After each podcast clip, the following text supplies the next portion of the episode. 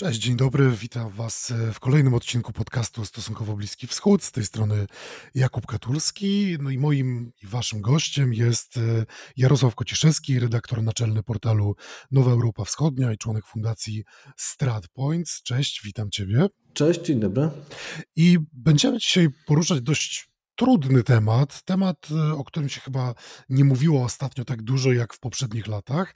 E, kwestie osadnictwa, ale może takiego osadnictwa izraelskiego na zachodnim brzegu, powiedzmy osadnictwa małej skali. Ja, ja bym użył takiego terminu, czyli będziemy mówić trochę o młodzieży ze wzgórz, o tych osadnikach, którzy budują te outposty, które są nielegalne w świetle prawa izraelskiego nawet, czy też tych osadnikach, którzy czasami e, przez ich zwolenników nazywani są na przykład hipisami z bronią. E, a wykorzystamy do tego pewien pretekst i ten pretekst jest e, bardzo istotny i na czasie, bo jest to śmierć Juwala Dorona Kestelmana, izraelskiego cywila, prawnika, który no, bez mała dwa tygodnie temu powstrzymał, czy powstrzymał, może nie powstrzymał, ale zastrzelił. zastrzelił zamachowców w trakcie e, zamachu terrorystycznego z własnej broni, tylko po to, by krótko później zostać zastrzelonym przez żołnierza e, Aviyada Fridże, który no, oskarżany jest o to, że jest częścią tego ruchu osadniczego, tego, tej młodzieży ze wzgórz. Może przyjrzyjmy się temu przypadkowi mm, śmierci Kestelmana, jak przebiegły te wydarzenia. Sytuacja jest bardzo symptomatyczna. To znaczy, że e, rzeczywiście dwóch Palestyńczyków zaczęło strzelać do Izraelczyków przy wjeździe do, do Jerozolimy. E, zabili dwie osoby, kilka ranili. E, Kastelman, przejeżdżając samochodem, widział, co się dzieje. Zatrzymał się, wyjął broń, zastrzelił napastników. W tym momencie z boku podbiegło dwóch żołnierzy Jednym e, był Avidat Fridża. To jest e, i też ważne, jak wyglądał, to znaczy w mundurze e, z służbowym karabinem, z długimi pejsami i w kipie. Wymierzył w stronę Kastelmana. Ten najpierw ukląkł i podniósł ręce do góry, krzycząc po hebrajsku, że jest Izraelczykiem, zdążył odrzucić broń wyjął portfel, krzyczał cały czas, że jest Izraelczykiem, z rękami uniesionymi do góry, Fridża go zastrzelił. Strzelił w pierś i w twarz z odległości mniej więcej 10 metrów. No i to jest chyba bardzo istotny element tych wydarzeń, bo. Jeszcze jest ciąg dalszy bardzo ważnego, ważny, ważny element. E, bo teraz e, jeszcze sama, sam przebieg. E, policja nakłaniała rodzinę do tego, żeby nie przeprowadzać autopsji. W związku z tym ze zwłok nie wyjęto kul. Po czym policja stwierdziła, że nie jest w stanie stwierdzić, kto strzelał, ponieważ nie ma kul. Dopiero wczoraj odbyła się ekshumacja zwłok żeby móc, czyli wbrew początkowej postawie policji. E, Fridża został bardzo szybko uznany za bohatera. Udzielił nawet wywiadu, e, w którym opowiedział, co zrobił, e, zbierał pochwały. Padło nawet pytanie, czy wykonał procedurę Biduj Hariga, to jest nielegalna od wielu, wielu lat procedura sprawdzania, że osoba, do której się strzela, jest martwa, co sprowadza się do dobijania rannych po prostu. To znaczy, jest to procedura nielegalna, natomiast izraelscy żołnierze ją znają, ćwiczą, stosują. Polega na tym, że jeżeli wróg, terrorysta e, leży na ziemi, strzela się do niego dalej. Fridża nie odpowiedział wprost, powiedział tylko, że strzelał do terrorysty, dopóki ten nie padł. To też trzeba jasno powiedzieć, że on nie powiedział, że wykonał Biduj Haringa. E, po czym szybko się okazało, że e, ofiarą jest Izraelczyk. Fridża został zatrzymany, e, po czym sąd uwolnił go przeniósł do aresztu domowego, między innymi dlatego, że przecież nie ma kul. W związku z tym na dzień dobry trudno jest jednoznacznie stwierdzić, czy w ogóle ktokolwiek strzelał. I sytuacja wywołuje ogromne wzburzenie w Izraelu.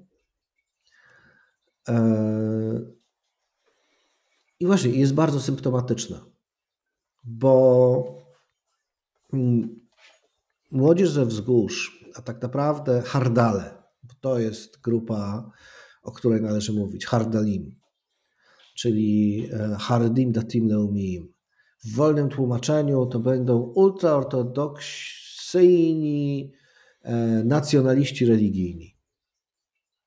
O ile w przeszłości mówiono o ruchach nacjonalistyczno-religijnych, czyli tym połączeniu nacjonalizmu, czy budowie nacjonalizmu w oparciu o, o judaizm, e, to tutaj nastąpiło bardzo dalekie przesunięcie w stronę ortodoksji. E, to Izraelczycy się śmieją, że po prostu nacjonaliści religijni byli wyśmiewani przez Haredim, przez ultraortodoksów, że są za mało ortodoksyjni. W związku z tym poszli w kierunku ortodoksji.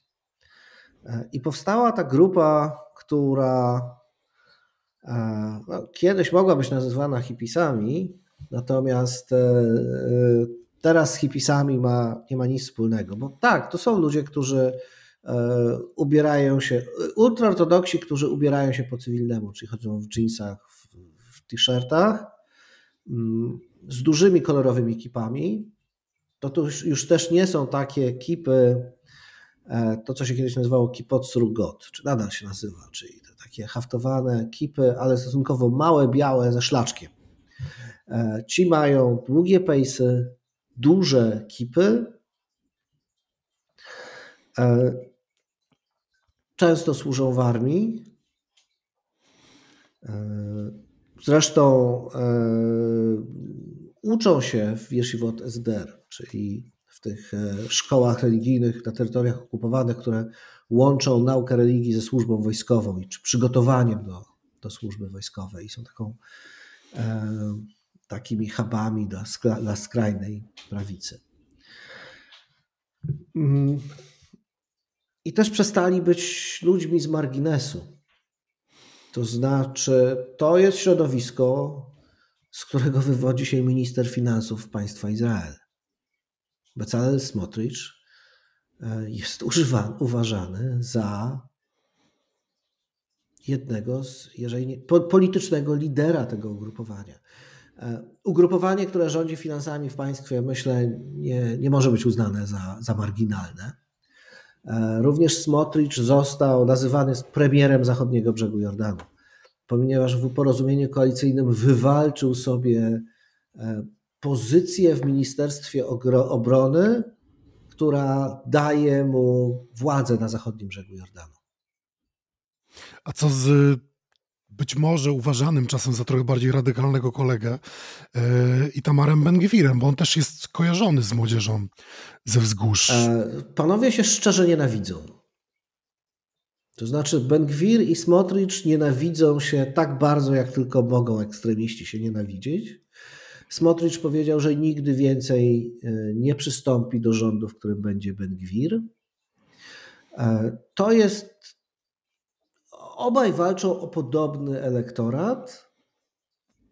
E, obaj prześcigają się w tym, kto jest bardziej ekstremistą. Ben Gwir oczywiście ma przeszłość, ma wyrok sądowy za ekstremizm jeszcze w czasach e, premiera Rabina, czego pamiętam z tamtych, z tamtych czasów, kiedy był e, młodym, radykalnym szaleńcem, którego nikt nie brał poważnie. Chwalił się atakiem na limuzynę premiera i urwaniem znaczka Chevroleta, mówiąc, że dorwaliśmy twój samochód, dorwiemy i ciebie, e, czego nikt poważnie nie traktował, dopóki Igal Amir, człowiek z tego środowiska, nie zastrzelił premiera. E, więc e, Ben Gwir wylądował w więzieniu, nie służył w armii, ponieważ wojsko uznało go za zbyt ekstremistycznego i nie chcieli mieć z nim nic wspólnego. E, natomiast skończył prawo i jest, był adwokatem skrajnej prawicy. Smotrich wylądował krótko, na krótko w więzieniu, ale nie został skazany. Ugoda. Służył w armii, ale też jako jobnik, czyli jako człowiek e, gdzieś tam na, na zapleczu, nie odsłużył całej, znaczy skróconą służbę, jakby nic szczególnie ważnego, natomiast i to też jest kolejny paradoks, ponieważ ci ludzie strasznie są bojowi. E, to znaczy Smotrich strasznie lubi występować w koszulce na przykład brygady Golani, e, do czego nie ma prawa, no ale strasznie lubi się pokazywać jako fighter tutaj. Chociaż to on wysyła na, na wojnę innych, a nie on podejmuje ryzyko. Z kolei Ben Gwir teraz jako minister spraw wewnętrznych e, rozdaje broń skrajnej prawicy. Dziesiątki tysięcy karabinów. Dosłownie. No tak, rzeczywiście. Ta broń płynie na zachodni brzeg, ale myślę, że o tej broni też musimy mm, chwilę porozmawiać w kontekście tego, co wydarzyło się w sprawie Kestelmana i Fridge, bo też jest istotny wątek mm, związany z tym radykalizmem, czyli ta chęć umieszczenia znaku X, jak wspomniałeś, na broni, o której sam y, Fridża wspomniał w wywiadzie dla kanału 14, mówiąc, że każdy żołnierz marzy o tym, by ten X na broni umieścić. Czy to oznacza, że to jest środowisko tak zradykalizowane, że chęć pochwalenia się takim, no taką odznaką honoru, bo właściwie tym taką rolę ma pełnić znak X na broni, że chęć pochwalenia się taką odznaką honoru przesłania już możliwość e, racjonalnego myślenia i dlatego właśnie zginął Kestelman, że ktoś po prostu był nadgorliwy i po prostu dążył do tego, że chciał zabić Palestyńczyka i móc się tym pochwalić? To się zacznijmy od tego, że X oznacza broń, z której zastrzelono Araba. E, I e, tak, izraelscy żołnierze są strasznie dumni z możliwości e, wygrawerowania X na swojej, na swojej broni, co się sprowadza do zapicia człowieka. I tutaj pojawia się oczywiście pytanie o dehumanizację, to znaczy czy człowieka czy Araba. I to z perspektywy e, tych radykałów wcale nie jest oczywiste. Bo to są absolutnie skrajni fanatycy, e, chociaż chęć posiadania X zdaje się jest znacznie szersza i dotyczy większej liczby żołnierzy niż tylko e, hardali. Którzy zresztą przenoszą bardzo rozmaite tutaj elementy do, do armii, bo na przykład odkąd oni zaczęli służyć, zaczęły się problemy chociażby z udziałem żołnierek w ceremoniach wojskowych, co w Izraelu było dotychczas nie do, w ogóle nie do pomyślenia. E, armia była takim miejscem równości, to się zmienia. E, jakby to jest część tej takiej bardzo dziwnej, nowej obrzędowości. Częścią tej obrzędowości hardali jest to, to czasem widać kładzenie się na brzuchu e, na wzgórzu świątynnym twarzą czy głową w stronę kopuły skały i góry Moria to jest jakieś takie fusion religijne łączące e, zwracanie się do Mekki z, z e, leżeniem krzyżem, mam wrażenie. To znaczy, w żadnej innej religii nikt nie kładzie się tak po prostu na brzuchu e, w jakimś kierunku. W judaizmie też tego nie było. Natomiast, natomiast ci ludzie właśnie tworzą tego rodzaju nową, nową obrzędowość. I bardzo ważnym elementem funkcjonowania tożsamości e, jest takie mesjanistyczne przeświadczenie o tym, że Judea i Samaria, bo oni tak patrzą na terytoria okupowane, czy zachodni brzeg Jordanu, e, to jest teren dany im przez Boga. W związku z tym oni z bronią w ręku e,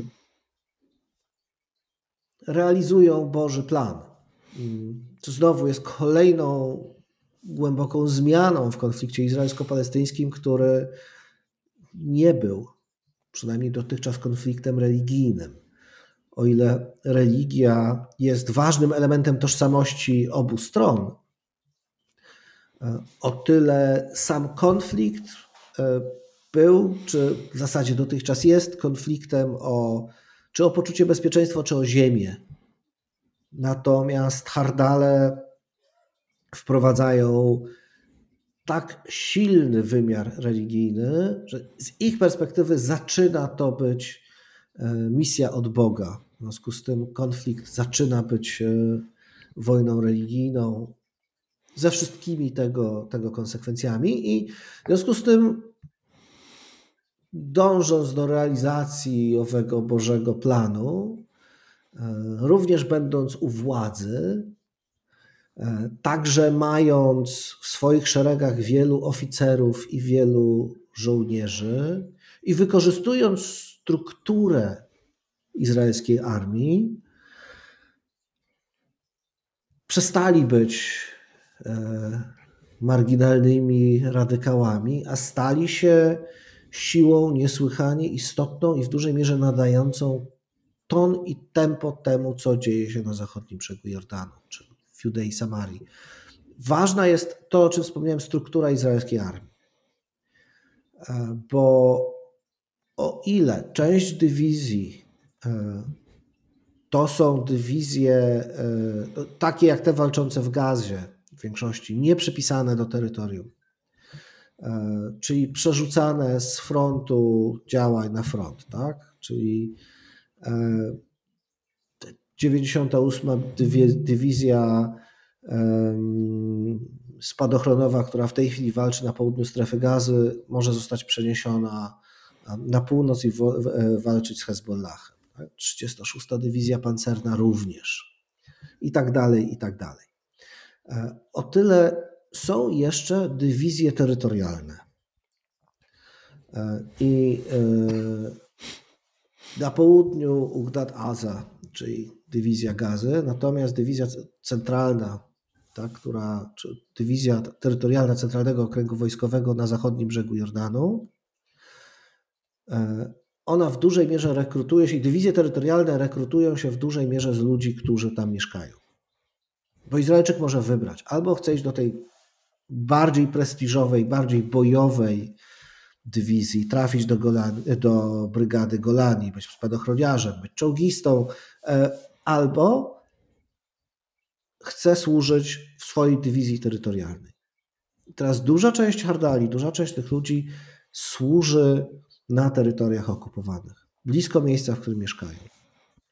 W związku z tym oni nie tylko uzyskują szkolenie wojskowe, dostęp do broni, dostęp do mundurów, e, ale także służą tam, gdzie mieszkają i tam, gdzie realizują ową boską misję żydowskiej kontroli nad Judeą i Samarią. O jak dużej skali, jak dużej liczbie żołnierzy mm, i w ogóle e, tego ruchu politycznego my możemy mówić, bo to jest e, Uważało się zwykle, że, że to jest margines, zresztą ja to słyszałem sam od Izraelczyków, że to jest margines, że to tak naprawdę nie jest, osadnictwo wcale nie jest głównym problemem w relacjach izraelsko-palestyńskich, a już w ogóle młodzież ze wzgórz jest problemem raczej marginalnym, jest niewielu, są może i są radykalni, ale tak naprawdę nie są niebezpieczni. E, jak potężnej, czy jak dużej sile polityczno-militarnej my tutaj mówimy? To znaczy, oni na pewno boksują ponad swoją wagę. To znaczy, co do tego nie ma wątpliwości. To nie jest wielki, masowy ruch, natomiast bardzo trwały, bardzo sprawny, e, a do tego wszystkiego umiał się znaleźć w kontekście politycznym. To znaczy, e, o ile osadnictwo było i jest ważnym elementem izraelskiej polityki. E, I e, nawet jeżeli mówimy o osadnictwie bez Jerozolimy, to nadal jest to pół miliona ludzi, czyli 5% populacji. To nie jest mało. Jak odliczymy Arabów, obywateli Izraela, to nam się nagle zrobi jakieś 7,5-8% żydowskich obywateli e, Izraela mieszkających na terytoriach okupowanych. To nie jest mało.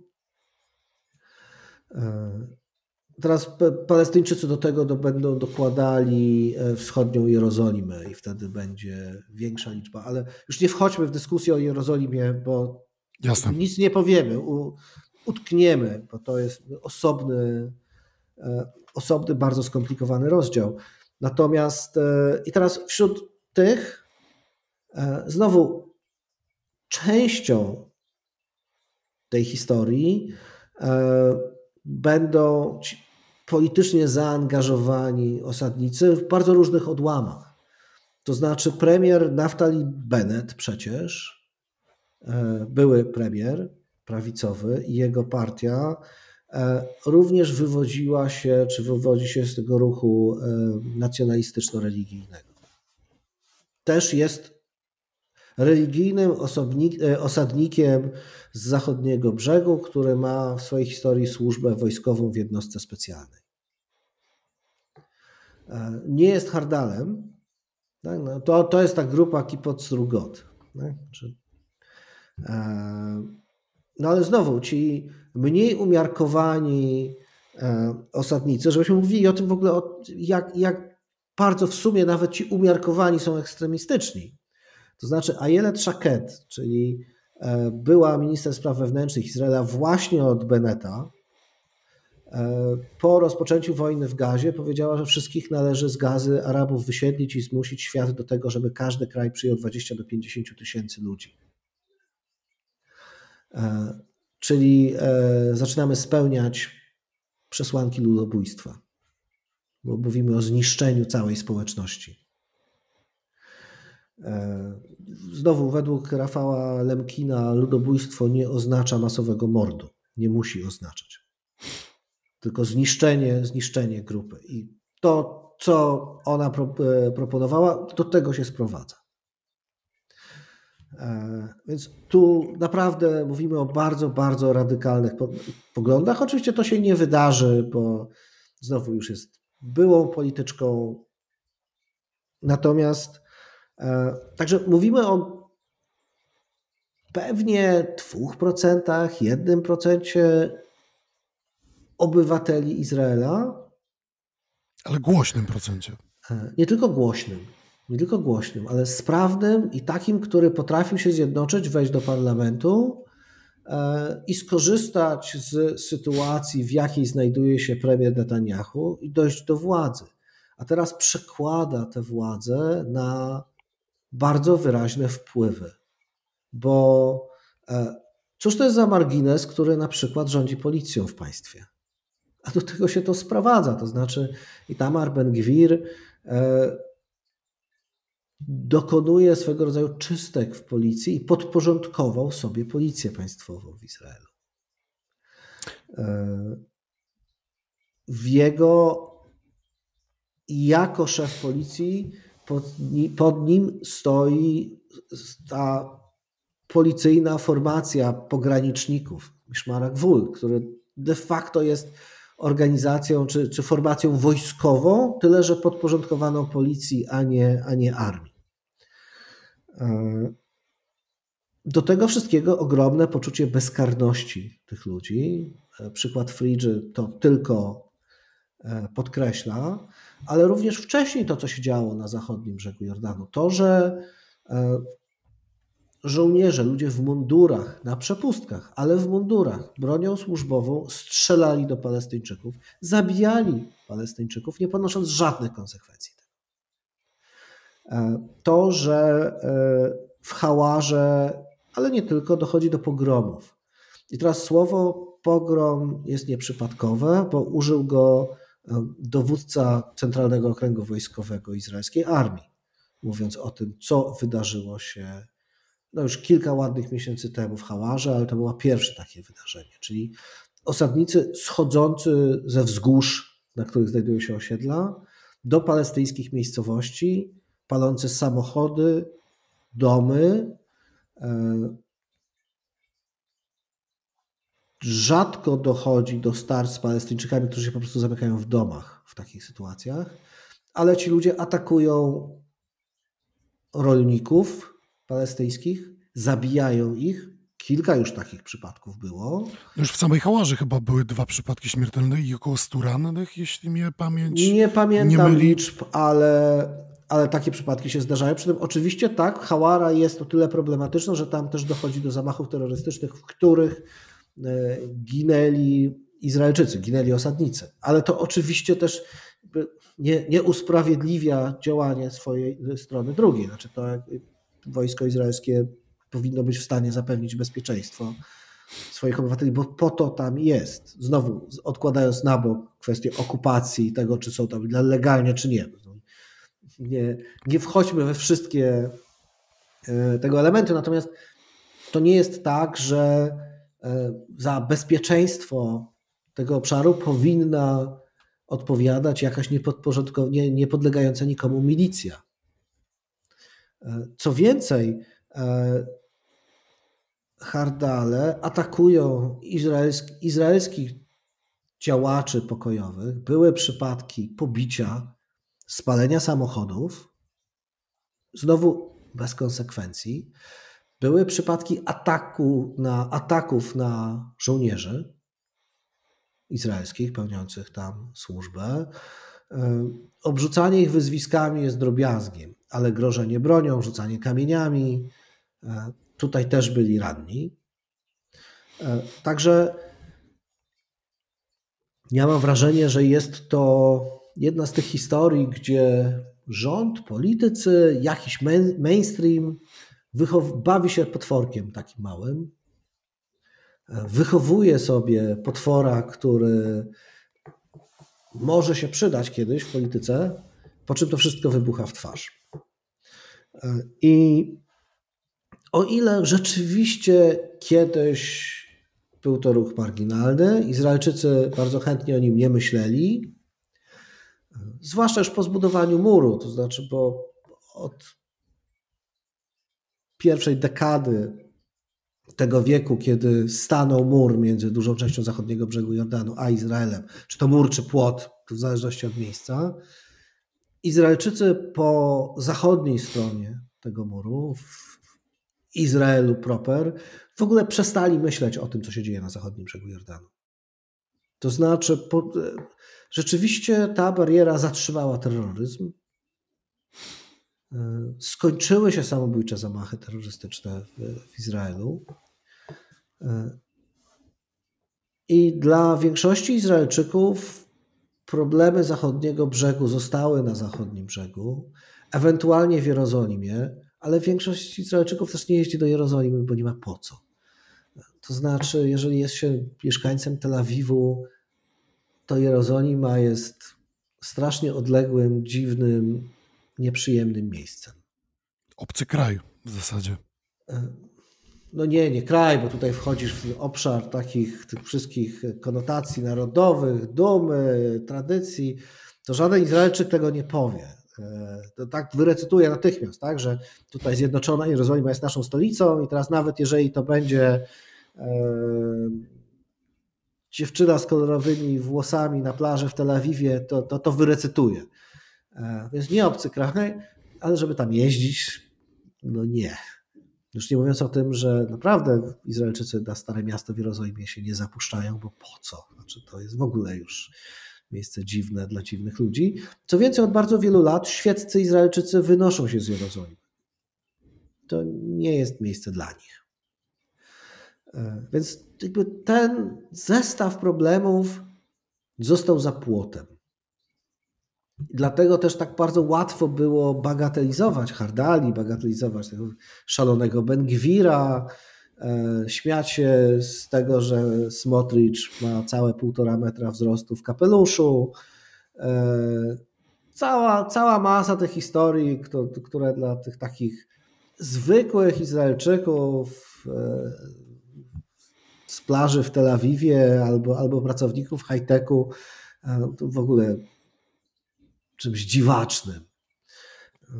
No, ale przestało być dziwaczne, jak okazało się, że to właśnie ci ludzie nadają ton w dużej mierze państwu, w którym żyją i, i zaczęli rządzić policją i, i zaczęli mieć ogromne wpływy na armię, e, której korpus oficerski na przykład przez całe dekady wywodzący się z kibuców, teraz w dużej mierze wywodzi się właśnie z Yeshivot Esder, czyli e, z tych e, szkół religijnych, a więc e, ludzi motywowanych ideami świeckimi, lewicowymi, równościowymi zastąpili ludzie motywowani